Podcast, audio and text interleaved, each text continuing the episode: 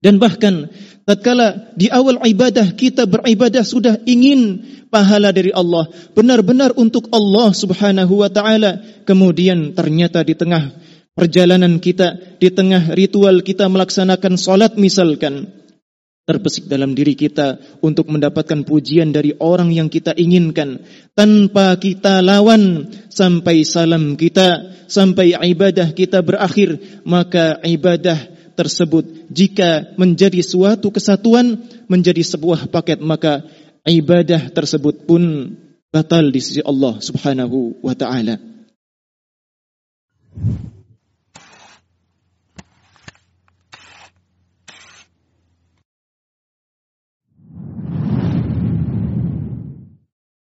إن الحمد لله نحمده ونستعينه ونستغفره ونعوذ بالله من شرور أنفسنا ومن سيئات أعمالنا. من يهده الله فلا مضل له ومن يضلل فلا هادي له. وأشهد أن لا إله إلا الله وحده لا شريك له وأشهد أن محمدا عبده ورسوله. صلى الله عليه وعلى آله وصحبه أجمعين ومن تبعهم بإحسان إلى يوم الدين. أيها المسلمون لقد قال ربكم يا أيها الذين آمنوا اتقوا الله حق تقاته ولا تموتن إلا وأنتم مسلمون. وقال يا أيها الناس اتقوا ربكم الذي خلقكم من نفس واحدة وخلق منها زوجها وبث منهما رجالا كثيرا ونساء واتقوا الله الذي تساءلون به والأرحام إن الله كان عليكم رقيبا وقال عز وجل يا أيها الذين آمنوا اتقوا الله وقولوا قولا سديدا. يصلح لكم أعمالكم ويغفر لكم ذنوبكم. ومن يطع الله ورسوله فقد فاز فوزا عظيما. فإن أصدق الحديث كتاب الله وخير الهدى هدى النبي صلى الله عليه وسلم وشر الأمور محدثاتها.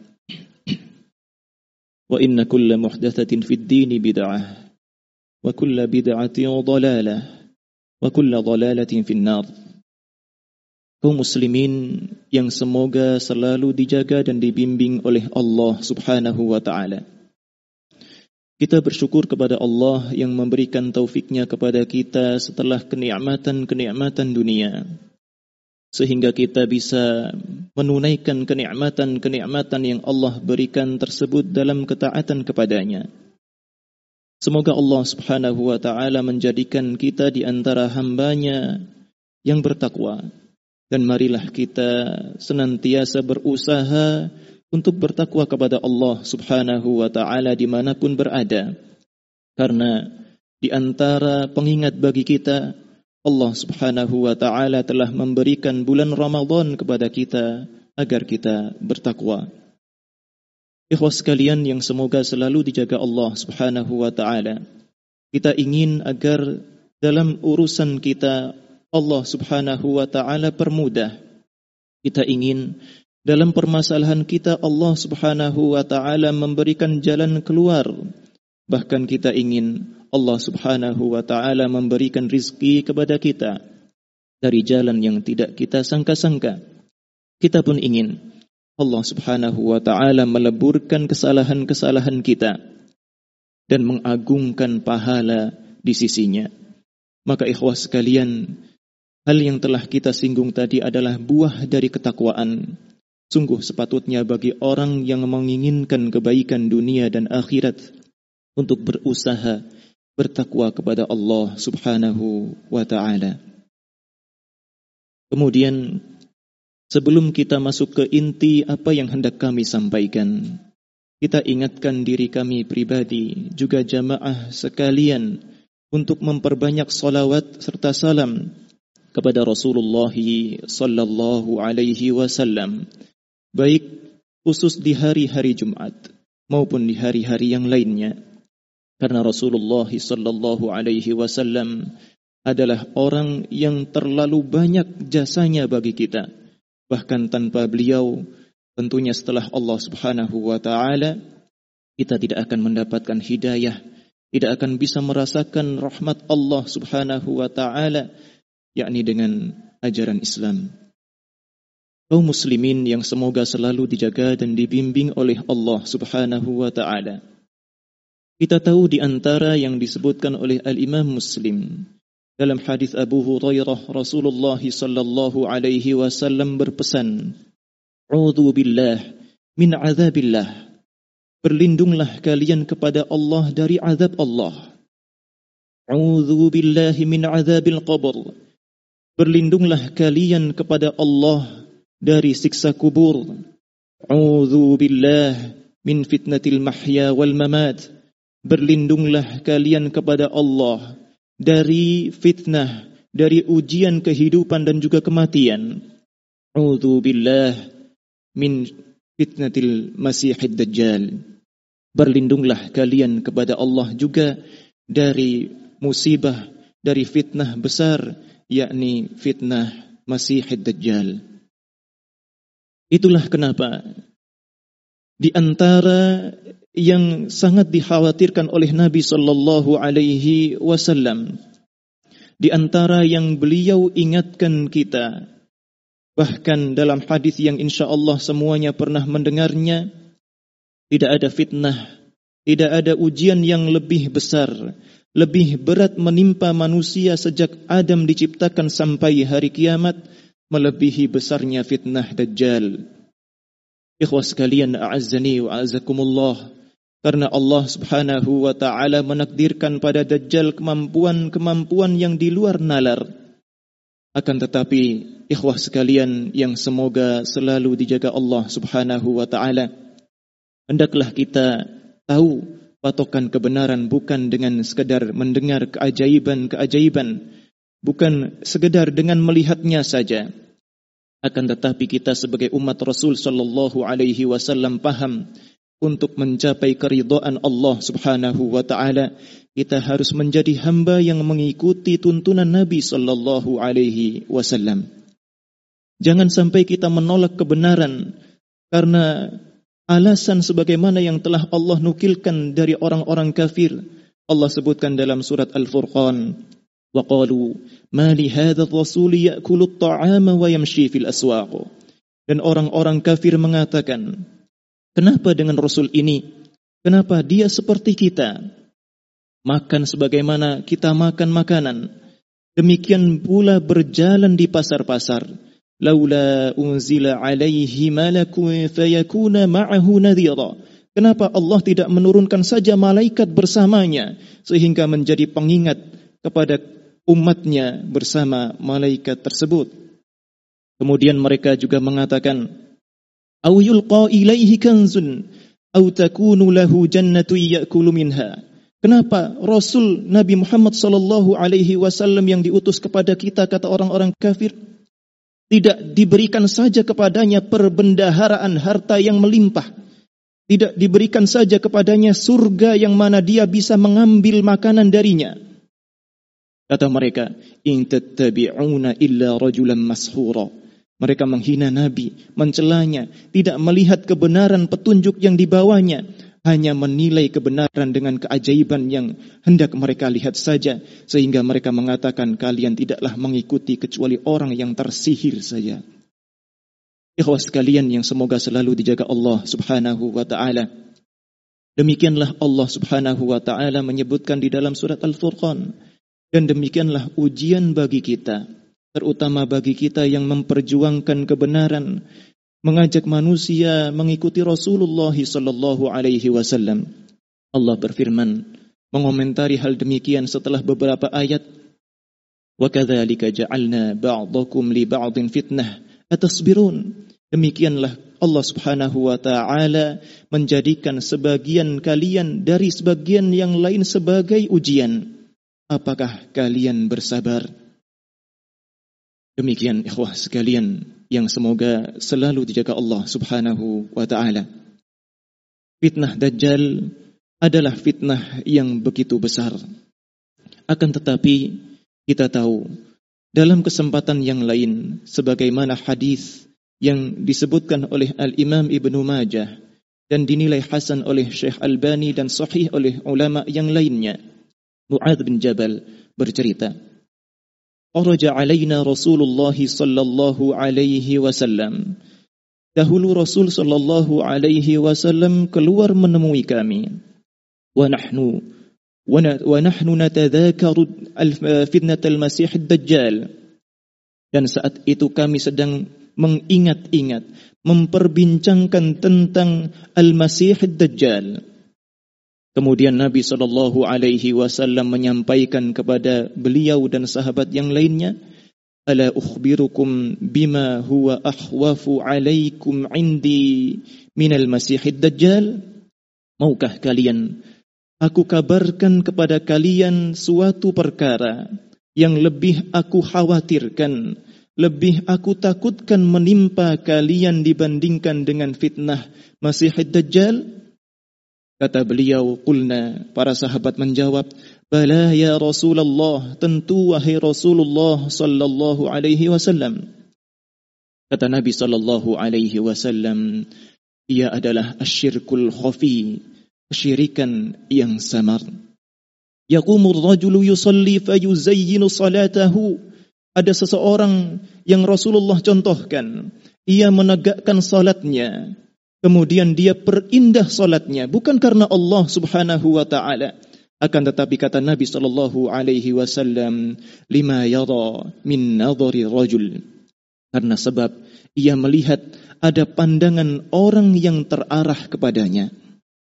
Ikhwas sekalian, a'azzani wa a'azzakumullah.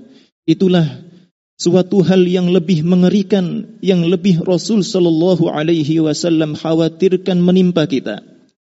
Yakni syirik yang bisa menimpa siapa saja. Meskipun kesyirikan ini levelnya kesyirikan yang kecil, akan tetapi Rasul Shallallahu Alaihi Wasallam begitu khawatir kita terjatuh ke dalamnya. Kita tahu bahwasanya kesyirikan ada dua macam, ada yang bisa sampai meleburkan seluruh amal kebaikan dan mengeluarkan orangnya dari Islam, yakni syirik yang akbar, syirik yang besar, yang besar. Dan ada juga kesyirikan yang asghar, yang akan bisa meleburkan amalan yang diiringi dengan riak tersebut. Kaum muslimin yang semoga selalu dijaga Allah Subhanahu wa taala.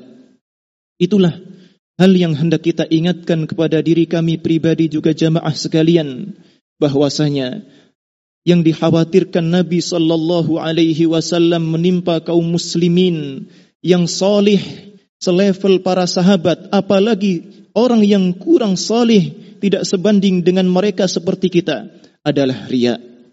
Ikhwas sekalian, di antara alasan kenapa para ulama mengkhawatirkan apa yang dikhawatirkan oleh Nabi sallallahu alaihi wasallam ini adalah karena kata mereka ria bisa menimpa siapa saja dan kapan saja berbeda dengan fitnah dajjal karena fitnah Dajjal hanya ada di masa terbatas saja di akhir zaman.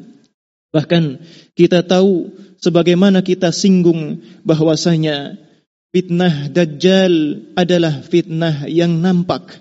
Sedangkan fitnah riak, penyakit riak adalah penyakit yang samar. Bahkan orang yang salih, bahkan orang yang sedang berhadapan dengan Allah sedang menegakkan salat, sedang bermunajat kepada Allah, bisa saja, bisa saja kehilangan kelurusan niatnya. Kaum muslimin yang semoga selalu dijaga Allah Subhanahu wa taala. Kita tahu di antara keikhlasan yang harus kita senantiasa jaga dalam amal kebaikan kita adalah untuk siapa kita beribadah dan tujuan ibadah kita untuk memperoleh apa. Tatkala kita ditanya untuk siapa kita beribadah tentunya kaum muslimin menjawab untuk Allah Subhanahu wa taala dan dengannya kita berusaha merealisasikan tauhid kita kepada Allah Subhanahu wa taala. Kemudian tatkala seorang muslim ditanya, "Untuk apa engkau beribadah? Untuk memperoleh apa?"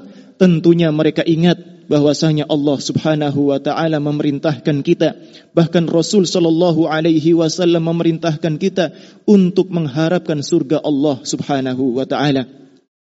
Bukan hanya dengan doa masalah Bukan hanya dengan permohonan yang kita panjatkan langsung kepada Allah dalam ungkapan-ungkapan kita. Bahkan para ulama pun membagi doa berupa ibadah. Karena pada hakikatnya setiap kali kita beribadah kepada Allah, kita sedang berharap kepadanya bahwasanya apa yang kita lakukan ini akan diganjar oleh Allah dengan pahala di sisinya, dengan surganya, dan dihindarkan oleh Allah subhanahu wa ta'ala dari nerakanya. Bahkan dengan hal tersebut kita merealisasikan penghambaan yang hakiki dalam diri kita kepada Allah. Kita tidak tertipu sebagaimana orang-orang yang seakan-akan beribadah untuk Allah tapi tidak membutuhkan surga Allah, tidak mengharapkan agar dijauhkan dari neraka Allah, padahal pada hakikatnya penghambaan yang hakiki adalah tatkala kita merasa membutuhkan Allah Subhanahu wa taala, menginginkan balasan terbaik dari Allah surganya dan dijauhkan dari nerakanya. Kaum muslimin yang semoga selalu dijaga Allah Subhanahu wa taala. Kita tahu di antara yang disebutkan oleh para ulama di antaranya Al-Imam At-Tahawi dalam matan akidah Tahawiyahnya keimanan kita tidak akan benar tidak akan benar-benar kokoh akan terancam dengan keguncangan tanpa taslim dan istislam, tanpa kepasrahan sepenuh hati kepada perintah Allah dan larangannya, dan juga berserah diri sepenuhnya.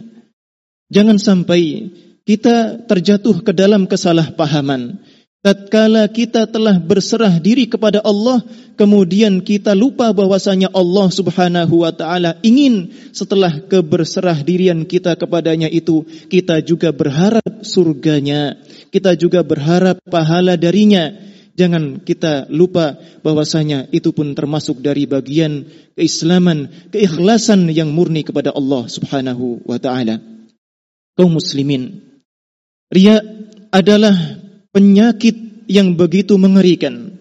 Karena tidak ada satupun kaum muslimin yang hendak amal ibadahnya tidak diterima oleh Allah subhanahu wa ta'ala. Karena apa?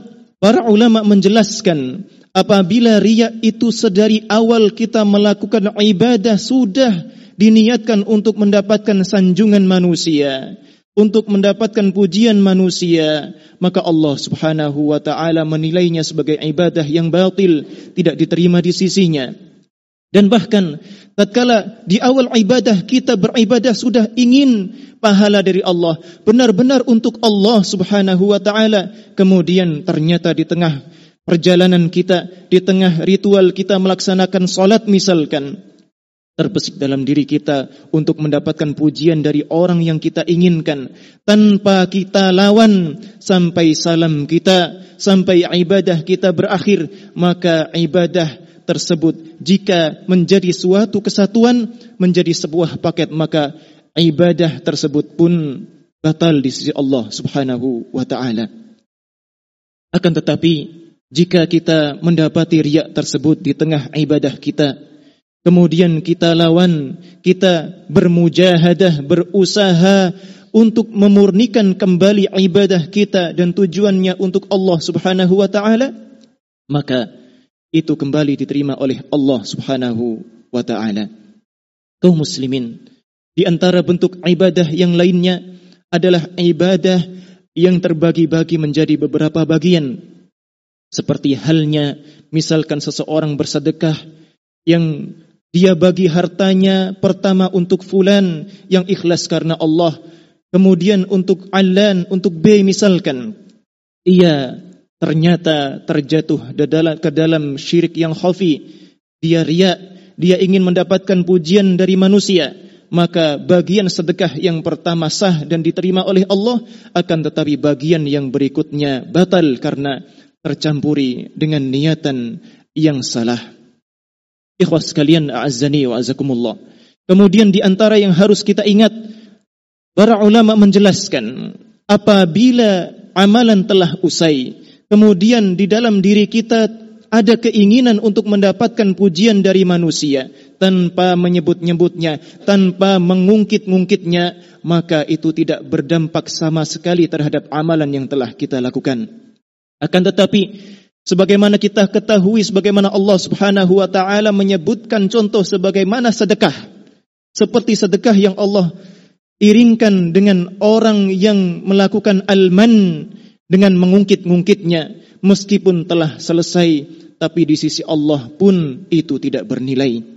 Maka ikhwah sekalian, ria bisa menodai amalan yang telah kita lakukan apabila itu diiringi dengan alman, dengan mengungkit-ngungkit atau kezaliman. Ikhwah sekalian yang semoga selalu dijaga Allah Subhanahu wa taala, aqulu qawli hadza wa astaghfirullah li wa lakum wa lisairil min kulli dhanb fastaghfiruhu innahu huwal ghafurur rahim.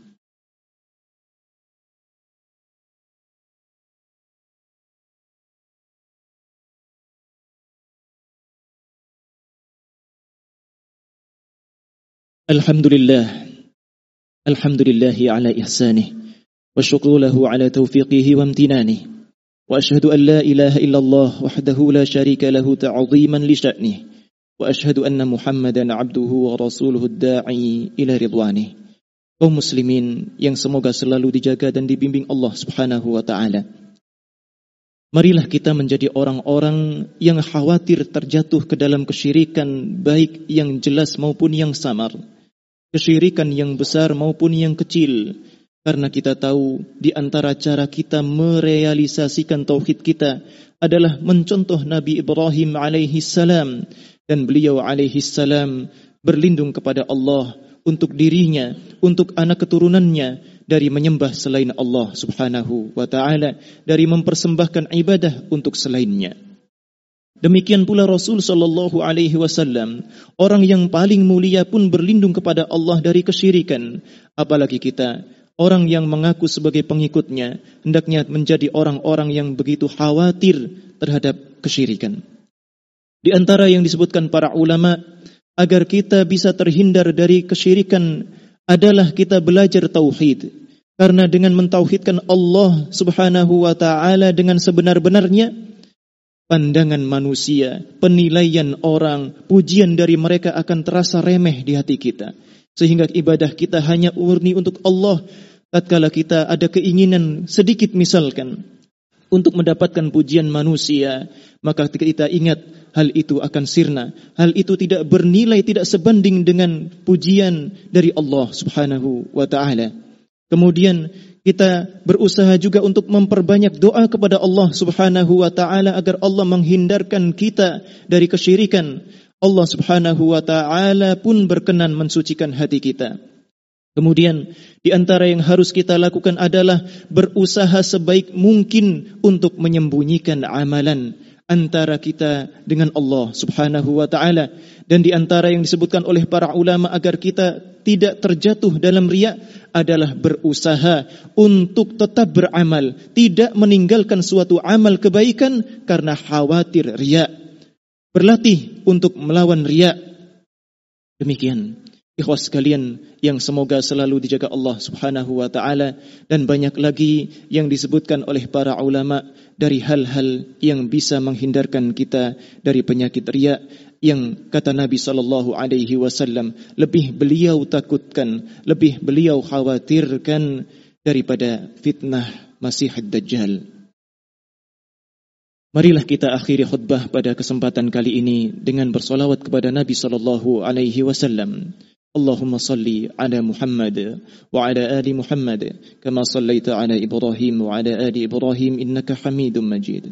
اللهم بارك على محمد وعلى آل محمد كما باركت على إبراهيم وعلى آل إبراهيم إنك حميد مجيد. اللهم اغفر للمسلمين والمسلمات والمؤمنين والمؤمنات. الأحياء منهم والأموات إنك سميع قريب مجيب الدعوات يا قاضي الحاجات. ربنا آتنا في الدنيا حسنة وفي الآخرة حسنة وقنا عذاب النار. ربنا آت نفوسنا تقواها وزكها أنت خير من زكاها أنت وليها ومولاها. ربنا هب لنا من أزواجنا وذرياتنا قطرة أعين واجعلنا للمتقين إماما. ربنا إننا نسألك الهدى والتقى والعفاف والغنى. ربنا لا تزيغ قلوبنا بعد إذ هديتنا وهب لنا من لدنك رحمة إنك أنت الوهاب عباد الله إن الله يأمركم بالعدل والإحسان وإيتاء ذي القربى وينهى عن الفحشاء والمنكر والبغي يعظكم لعلكم تذكرون ولذكر الله أكبر أقم الصلاة Terima kasih. Jazakumullah khairan wa barakallahu fikum. Video ini dibuat atas partisipasi dari donasi Anda. Semoga menjadi amal jariah bagi Anda semuanya.